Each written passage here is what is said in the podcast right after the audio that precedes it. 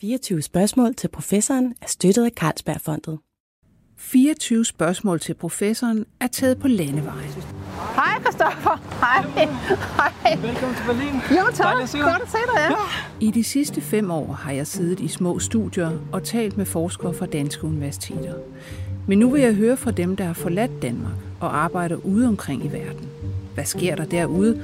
Og er det anderledes end hjemme i Annedam? Det bliver sgu da heller ikke mere Berlin end unter den Nej, vinden, det er rigtigt. Det er jo et fantastisk sted, det her bibliotek ligger. Jamen, jamen, altså lad os gå ind i fortiden. Vi skal ind og kigge på den. Christoffer Base Eriksen er postdoc på Berlins gamle og fine Humboldt-universitet.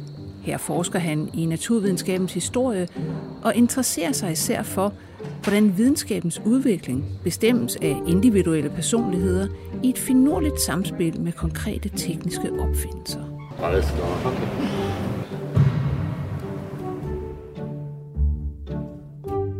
Christoffer Base Eriksen, tak fordi jeg måtte komme og besøge dig her.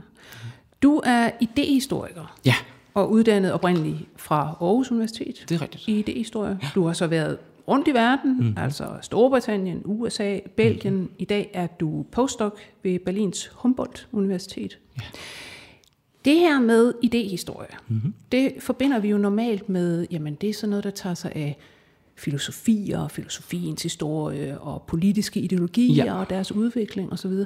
Ja. Du har faktisk specialiseret dig inden for videnskabshistorie. Hvor, Ja. Hvorfor greb det dig?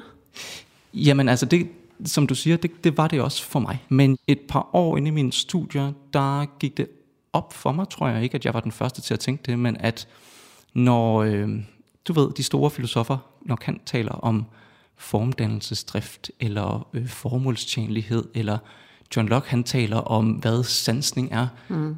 For at forstå det, så er vi nok nødt til at forstå, hvad man siger, den videnskab, som de var en fuldstændig integreret del af. Altså det var simpelthen, det var det, de talte om. Videnskaben og biologien, som jeg blev specielt interesseret i, øh, var ligesom, hvad kan man sige, den, den, den del af det idékorpus, som jeg blev fascineret af. Og det har jeg sådan set været siden, øh, det er over 10 år siden. Ja, så det har du sådan forfulgt forskellige steder i verden. Ja. Altså det er meget sjovt, du siger det, fordi jeg sidder jo også øh, og tænker, jamen øh, noget af det, der har drevet mig i virkeligheden, ja. når jeg har altså, skrevet artikler, når jeg har skrevet bøger, ja.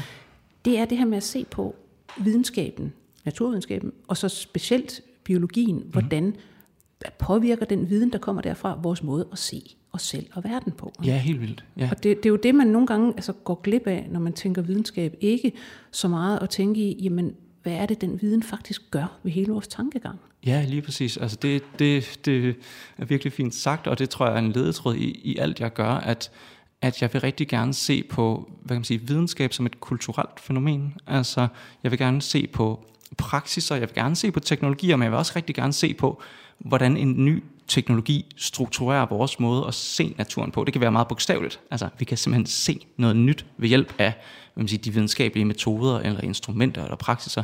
Men vi ser også, altså vi forestiller os, vi tænker om naturen på en ny måde, når, øh, når vi har øh, når vi går til den på en ny måde. Ikke? Ja. Øh, og det forandrer sig hele tiden. Ja. Det gør det.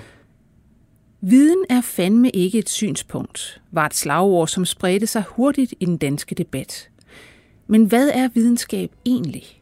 Videnskab er hverken en sandhed blandt mange mulige, eller den endegyldige sandhed. Det er en evigt uafsluttet proces og en metode. I løbet af 16-1700-tallets videnskabelige revolution indså man nemlig, at hvis man vil vide noget om naturen, kan man ikke bare tænke sig frem til løsninger. Man må stille spørgsmål, man må opstille hypoteser for, hvad svaret kan være, og man må teste sine hypoteser med eksperimenter.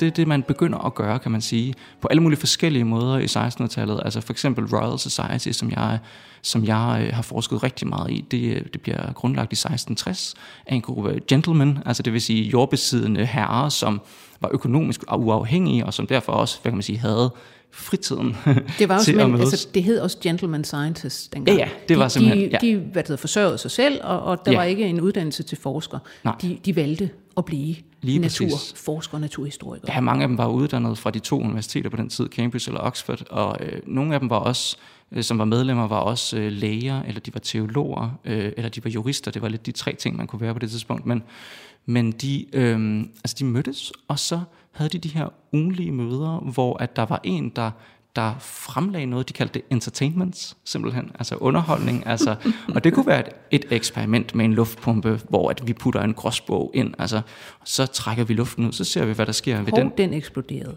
ja, ja, altså de, de er faktisk, altså der er mange grusomme eksperimenter, ja. som også blev, altså de var meget optaget af anatomi, og der var mange grusomme eksperimenter. Altså man mente jo for eksempel på det tidspunkt heller ikke, at, at frø og den slags overhovedet kunne føle noget smerte.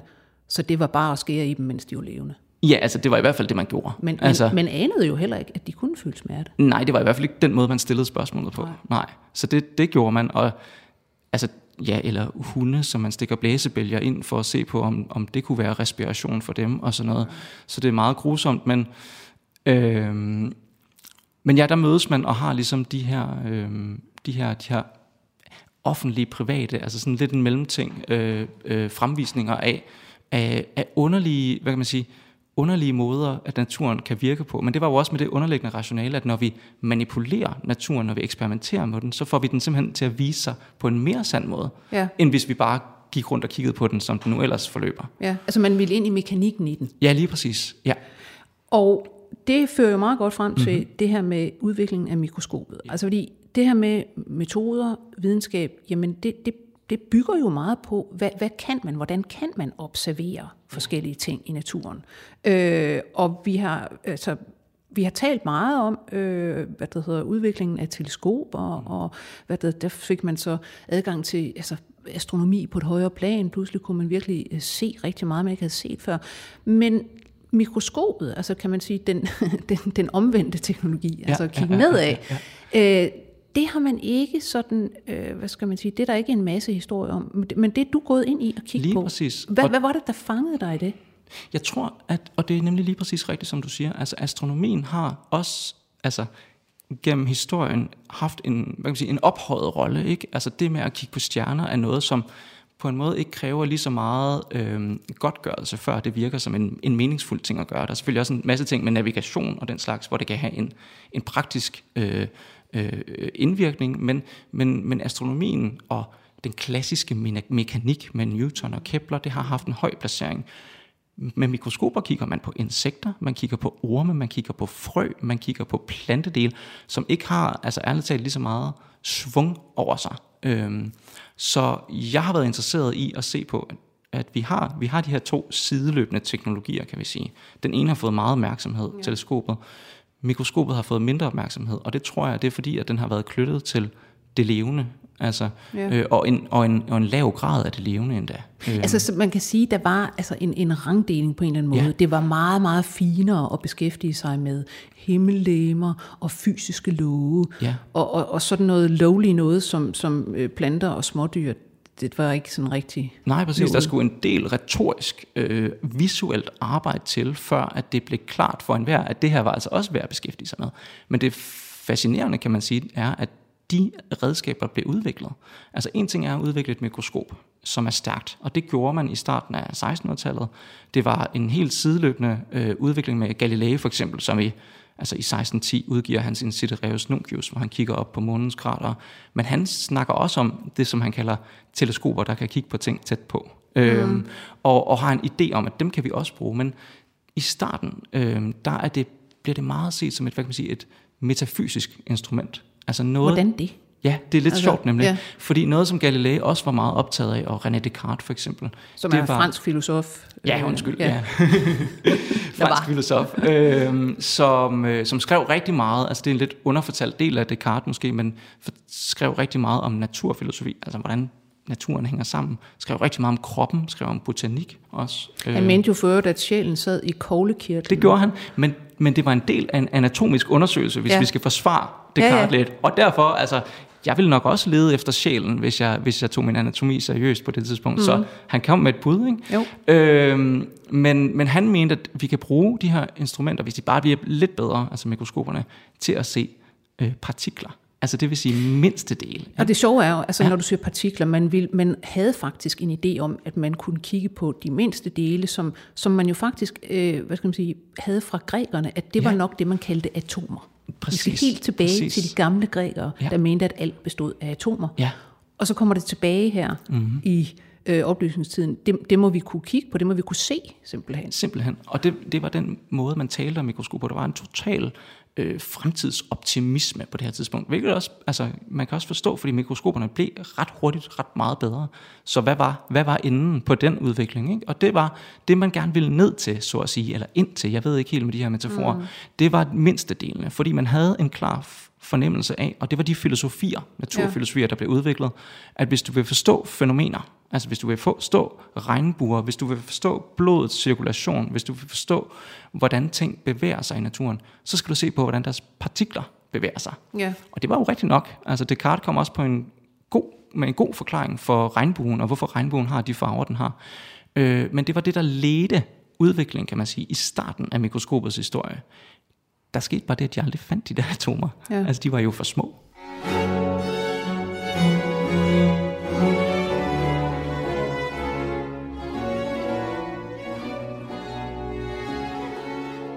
Lad os tage, øh, hvordan det egentlig kom i stand med, med hele udviklingen. Altså, hvem, hvem er nøglepersoner her?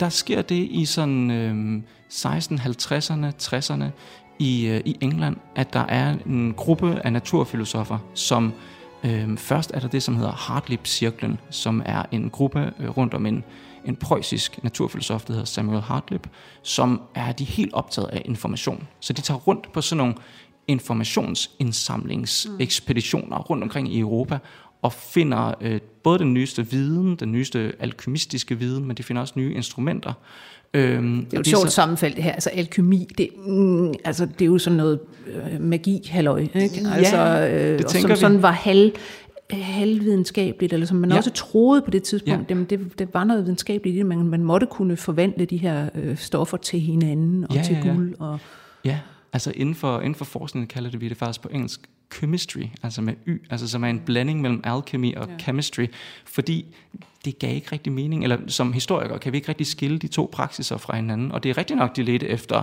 øh, livets elixir, eller de, ledte efter sten de vise sten, og, og ville gerne lave guld, og blev ansat på forskellige hoffer for ligesom at kunne se, kan vi lave noget mm. mere guld, fordi det vil være godt for handelsbalancen. Ikke? øh, men, men samtidig så var det grundforskning i mm. øh, forandring af øh, grundlæggende substanser, yeah. altså kemi.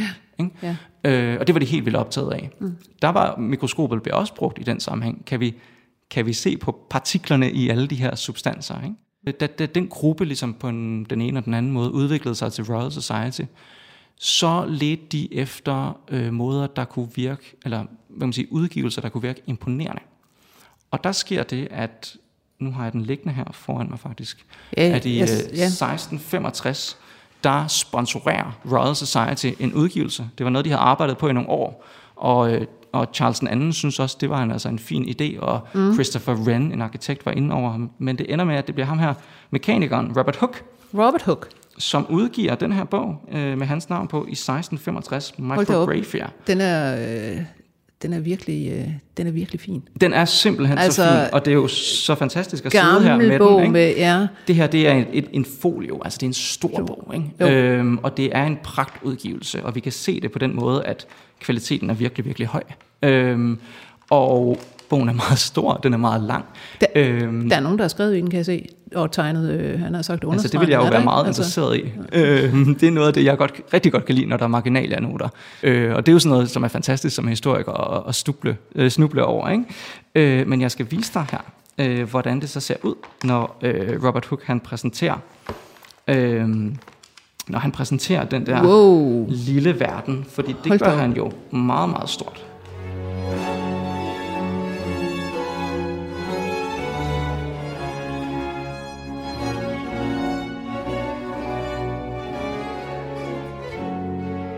Der er jo sådan en, det er jo sådan ligesom folde, en folde ud Ja, lige bog, præcis. Det er hvor, et fold-out øh, simpelthen. Ja. Så det er, vi sidder med her. Det, det ligner er en loppe. Det er en loppe, ah. og det er en loppe, men sådan havde en loppe aldrig set ud før i 1660'erne, vel? Fordi den er så stor, og den har de her anatomiske detaljer, altså vi kan se de små pigge her på skjoldet, eller buen, hvad, hvad vi kalder det. Øh, vi kan se dens øjne, altså alle de her anatomiske detaljer, som man aldrig havde set før. Så det her var på det tidspunkt totalt nyt, altså, og, og ja. lave den der tegning, ja. som er virkelig, virkelig øh, smuk Ja. og med skyggevirkninger Jo, jo, jo, og det hele. Ja. Altså, den er vel altså sådan øh, en halv meter lang, øh, 40 cm høj.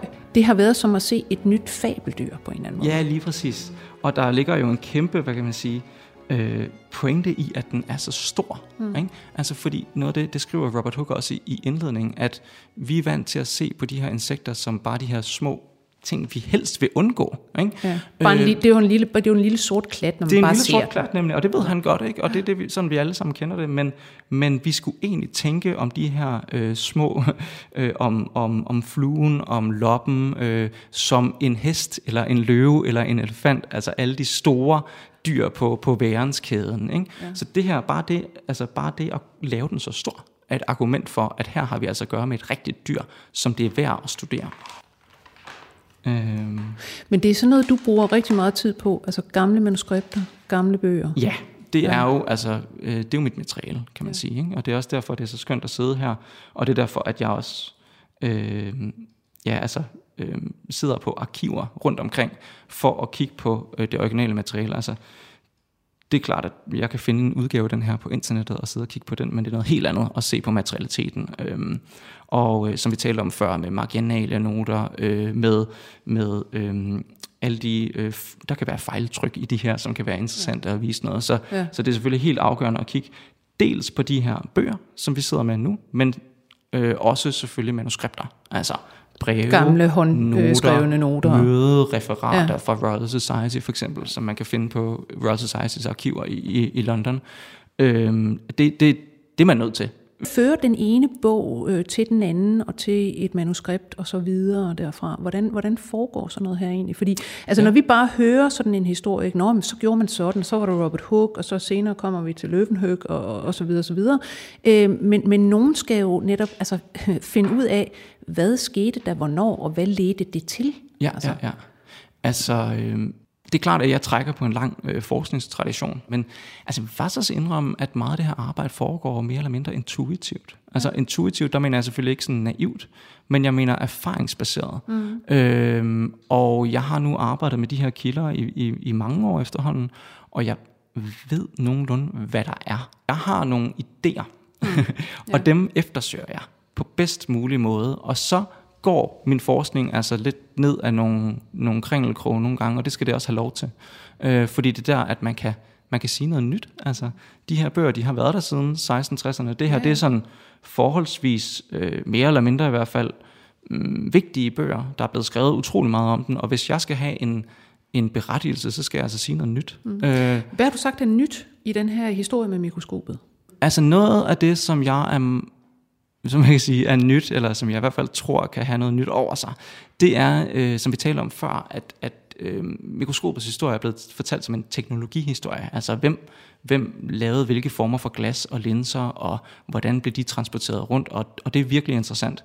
Den måde, jeg ser det på, det er at se på de her mikroskopiske observationer, som også noget, der findes i bøger, altså som lige så meget er billeder, og som er beskrivelser. Ja. Øhm, men som også, hvad man, sige, man kan næsten sige, at det er noget, øhm, udvikler en ny metafysik.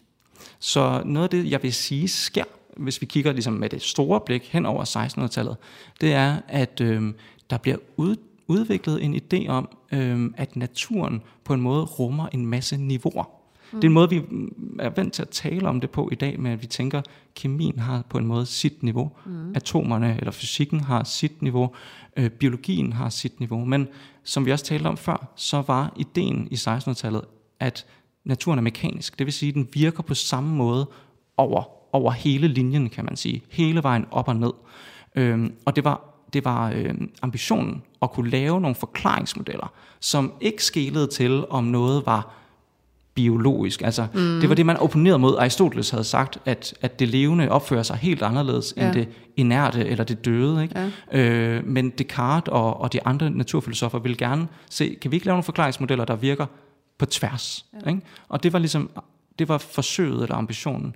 Men det, der så samtidig sker, når at man begynder at kigge på ting med mikroskoper, det er, at man opdager, vi kan ikke nå ned til til en endelig forklaring. Vi kan ikke finde de her partikler eller atomer, men vi kan finde alle de her mellemlag. Så vi kan finde plantefibre, vi kan finde sædceller, vi kan finde blodlegemer, øhm, og hvis vi skal for, forklare alle de her forskellige fænomener, så er vi nødt til at forklare dem på det niveau, de er, så at sige. Ikke? Så man får faktisk en, en, en, en hvad man sige, forståelse af, at der er nogle skillelinjer. Ja, lige præcis. Altså hvis vi skal tale om noget biologisk, noget Ja. levende, Ja. så er det på de her måder. Ja. Vi kan tale om, man begynder at tale om celler Ja. og, og hvad det hedder, væsker og, og forskellige ting, Ja. bestanddele. Øh, og så er der en anden verden, Ja, lige præcis. som er det døde. Og, og man, men jeg går ud fra, at man stadigvæk havde en formening om, okay, der må være de her atomer, men vi kan bare ikke se dem Ja, endnu. lige præcis. Øh, var det så sådan, at, at en masse gentleman scientists begyndte at kaste sig over, altså øh, at få lavet mikroskoper og Ja. ja. kigge på forskellige ting, Ja. simpelthen? Der er faktisk en fantastisk øh, beskrivelse af, da den her ud- bog udkom, så var det lidt et, et altså, i chok i London, ikke? og den kom ja. I flere oplag. Øhm, om de her folk ville gerne have fat i mikroskoper og gøre det, som Hooke havde gjort. Problemet var bare, at det er ret svært at gøre det, som Hooke gør. Ikke? Mm. Så der er en beskrivelse fra Samuel Pepys, som er, er sådan en øh, naturhistoriker i samme periode, som udgiver dagbøger. Han er meget kendt for sine dagbøger. Mm. Han beskriver, hvordan han købte den her bog, så skulle han hjem på kammeret. Ham og konen havde altså anskaffet sig, han var meget rig også, mm. anskaffet sig et mikroskop, og så var det ellers bare at finde en lille loppe, og det var jo nemt nok, ikke? Eller en lille flue og kigge på at dem. ikke? i nakken, så... Ja. Og, altså udfordringen kom bare, da de så ligesom skulle se noget. Ikke? Ja. Øhm, og så beskriver han, hvordan de sad ligesom hele natten og prøvede, men, men det opgav de hurtigt, og så kiggede de bare på billederne i stedet for. For det var jo meget sjovere. Ikke? Der kunne de jo se, hvordan det så ud. Ja. Ikke? Hvilket jeg synes er sådan en fantastisk historie også, fordi den fortæller om, at, at den der idé om altså at bevidne, ja. skal vi måske også udvide. Altså, man kunne bevidne ved at kigge på Hooks ja. øh, tegninger, og det var måske egentlig øh, lige så godt eller bedre end, endnu, end at, end at bevidne selv. Grunden til forresten, at Pepys ikke kunne se noget, mm. det var nok fordi hans lyskilde var for dårlig. Jeg ja. tror, mikroskopet var godt nok, men lyset var altid problemet. Ja. Og desuden, så de her fluer, de, de stikker jo af. Ikke? Ja. Det havde Hooken metode for. Han dryppede dem i sprit. Ja. Øhm, og, så, idé. og så var, lå de der sådan lidt døsige, og så kunne han ja. lave sine observationer. Og, Og så tegne. og så fluen, som vi ser her, det, sådan har den jo heller ikke set ud. Det er et sammensurium eller et komposit af en masse observationer, som han sat sammen til at skabe den her idealiserede flue. Så den der idé om, vi kan kalde mekanisk objektivitet, altså vi skal, vi skal egentlig vise tingene, som de har set, uden vores medvirken. Faktisk som, et idealbillede af tingene. her har vi et idealbillede ja. af ting. Ikke? Vi har et, et eksemplar, altså noget, ja. noget der egentlig man siger, næsten transcenderer den, den egentlige øh, flue eller loppe. Øhm, Det er ikke så- loppen Hansen, det er alle lopper. Lige præcis. Ja. Det samme også øh, med planterne.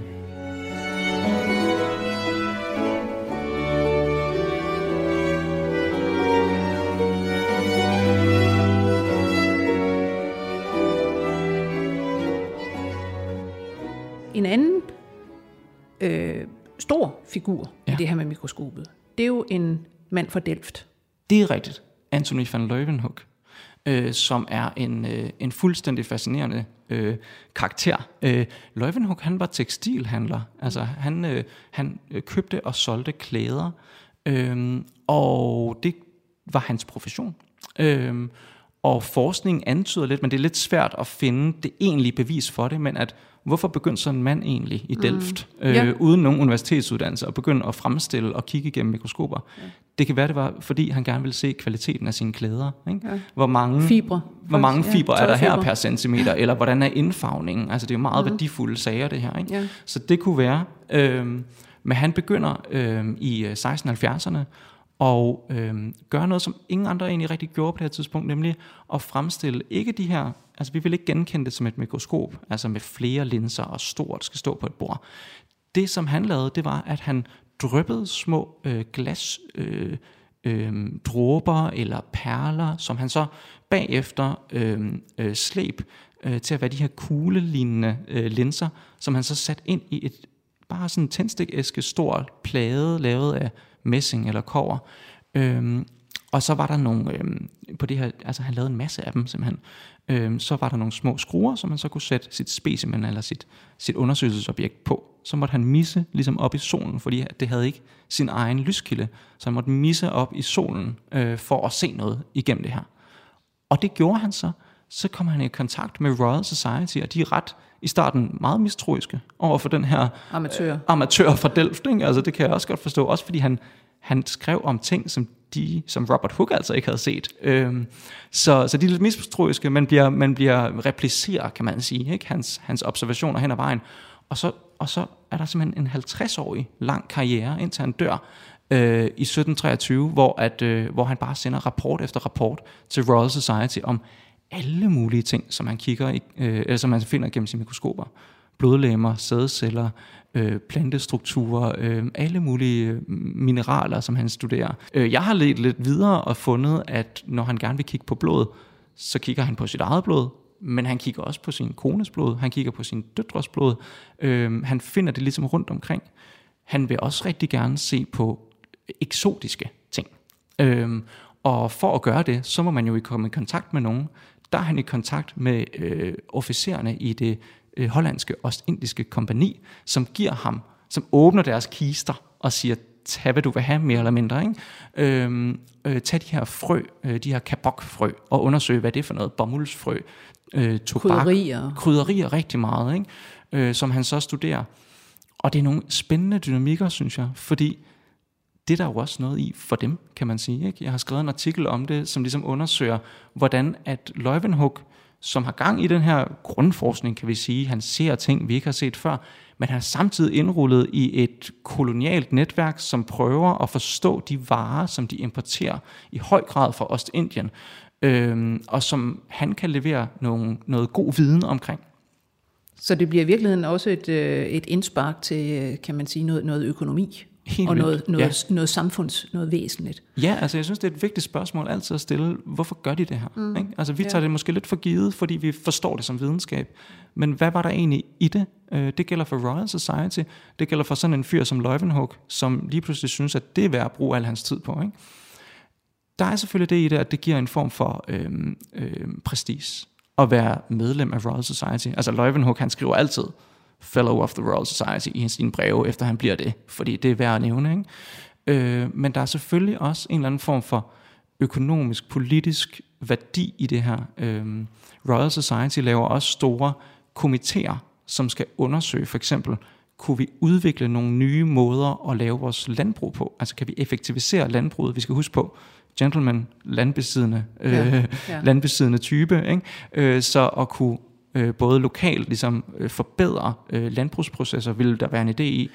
Men kan- også, for, men også på større. øh, Man kan i virkeligheden sige, at, at når man taler videnskabshistorie, så kan vi måske have et billede af, at det var sådan noget, der opstod som netop, vi vil bare gerne vide mere om verden, og ja. Nu kigger vi os ja. Ja. omkring altså helt som, som idealister. Ikke? Jo. Men det har, det har i høj grad det har også været drevet af, vi vil vide noget om noget, vi skal tjene nogle penge på, eller noget, vi skal bruge til noget. Ja, lige præcis. Jeg synes, det er virkelig interessant så at kigge på, fordi vi skal samtidig huske på, at det er en elitekultur. Mm. Og det er jo ikke sådan, at øh, Leuwenhoek er lidt et særtilfælde måske, men Robert Boyle var jo ikke afhængig af, om den her viden gav ham nye, øh, øh, nye måder at dyrke sin, sin jord på. Altså han var utroligt rig for eksempel. Han er præsident for Royal Society øh, i starten.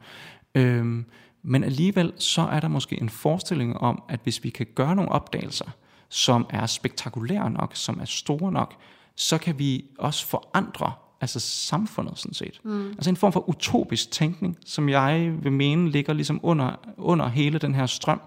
Øh, vi kan tænke på Thomas More's Utopia, men også Francis Bacon, som udgiver New Atlantis. Altså, i- og det er to britiske filosofer. det er to i britiske filosofer, ja. ja, præcis. Thomas More, Utopia, som lægger navn til den her utopigenre. Ja. Francis Bacon, som er en naturfilosof øh, fra starten af 1600-tallet, som alle de her tidlige videnskabsmænd er meget inspireret af. Han udgiver en bog, der hedder New Atlantis, som er en beskrivelse af et, et nyt Atlantis, ja, altså et fantastisk land, hvor, øh, hvor øh, frugterne øh, er modne hele året rundt, hvor man kan se til månen, man kan gøre alle mulige ting, man kan måske endda have ubåde, altså der er alle mulige forslag til, hvordan samfundet kunne, kunne være bedre. Og jeg tror, at når de lægger så meget øh, energi i alt det her videnskabelige arbejde, så er der også en forestilling om, måske kan vi gøre noget, som kan, altså, som kan sådan radikalt Forandre forbedre- verden. Forandre verden. Ja.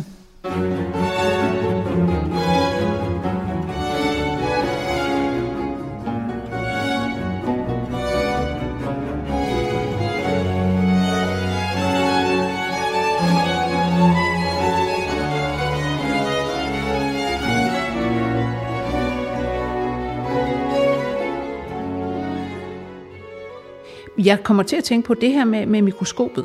Øh, altså det kommer også til at forandre nogle måder, man ser på verden, som du snakkede om før. Men var det også farligt for nogen? Altså var der også nogen, der ikke brød sig om, hvad det kom med det her mikroskop? Ja, det var der faktisk, og det er lidt sjovt, ikke? Fordi man kan tænke, hvor, hvor farligt kan det lige være? Men der var nogle interne naturfilosofiske spændinger i, synes vi egentlig, at det her er en god idé? Altså synes vi, den her form for øh, øh, tagen alt væk i naturen, og så bare fokusere på en enkelt del af en god idé? Øh, det kunne være for eksempel, fordi øh, inden for øh, medicinen eller anatomien, der kunne argumentet være, som det hos nogen var, at hvis vi skal forstå de her livsprocesser, hvis vi skal forstå livet, så skal vi kigge efter partikler. Så skal vi jo finde noget, som er en kraft, måske. Ja, man troede faktisk på en livskraft. En livskraft. Altså en eller anden form for, ja, altså ulæmelig vel nærmest, eller ja, hvad?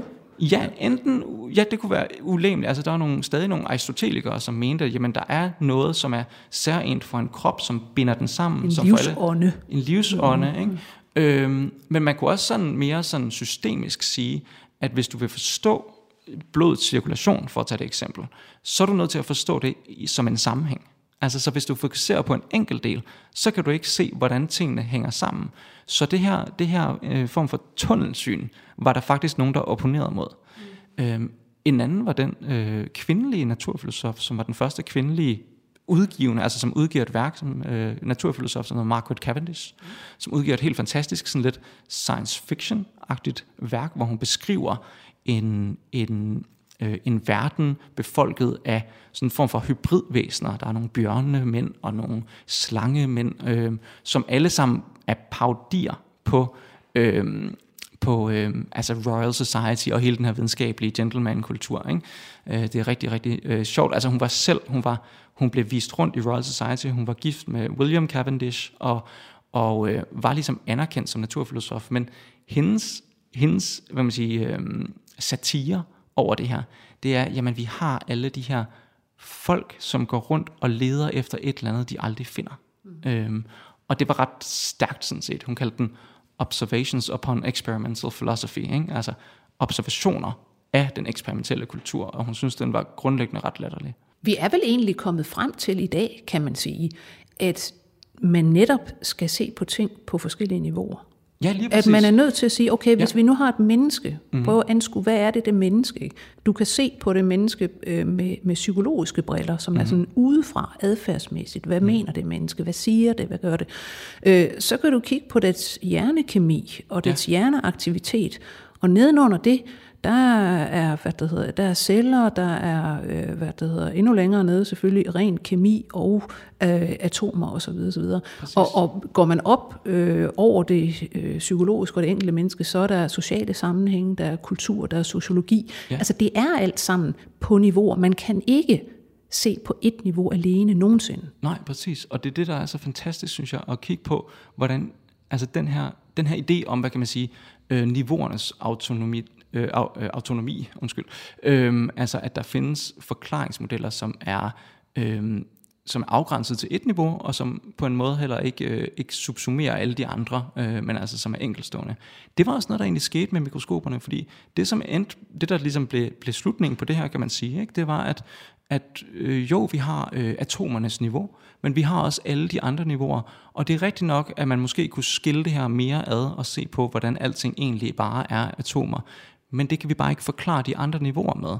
Så der sker den her øh, erkendelse af, at reglerne må være niveauspecifikke, øh, som jeg synes er umådeligt interessant. Ikke? Fordi der har vi jo også grynet til, som du siger, opdeling af de forskellige videnskaber, øh, eller forskellige discipliner, som har hver deres måder at gå til naturen på, hver deres forklaringer.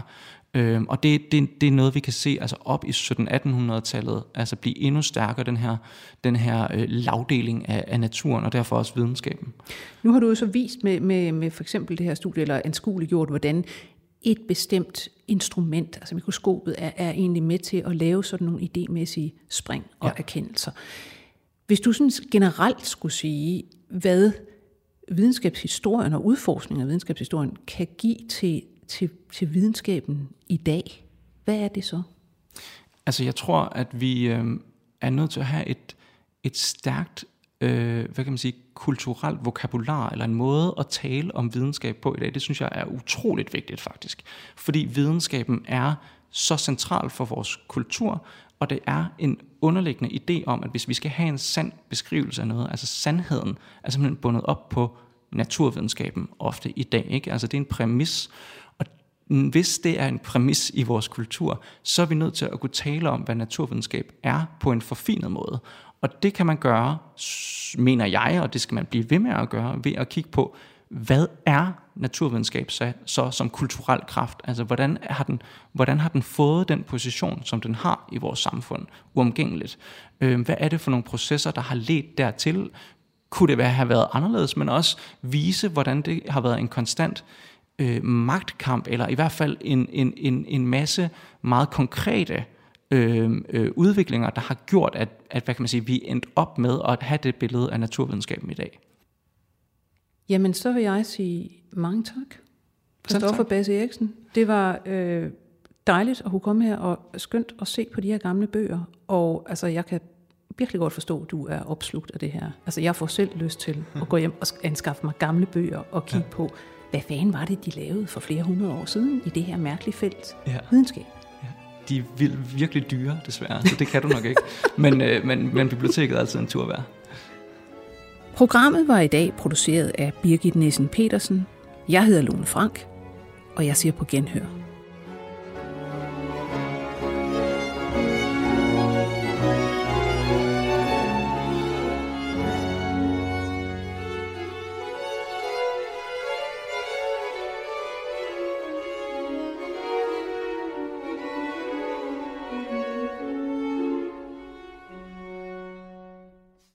»24 spørgsmål til professoren er støttet af Carlsbergfondet.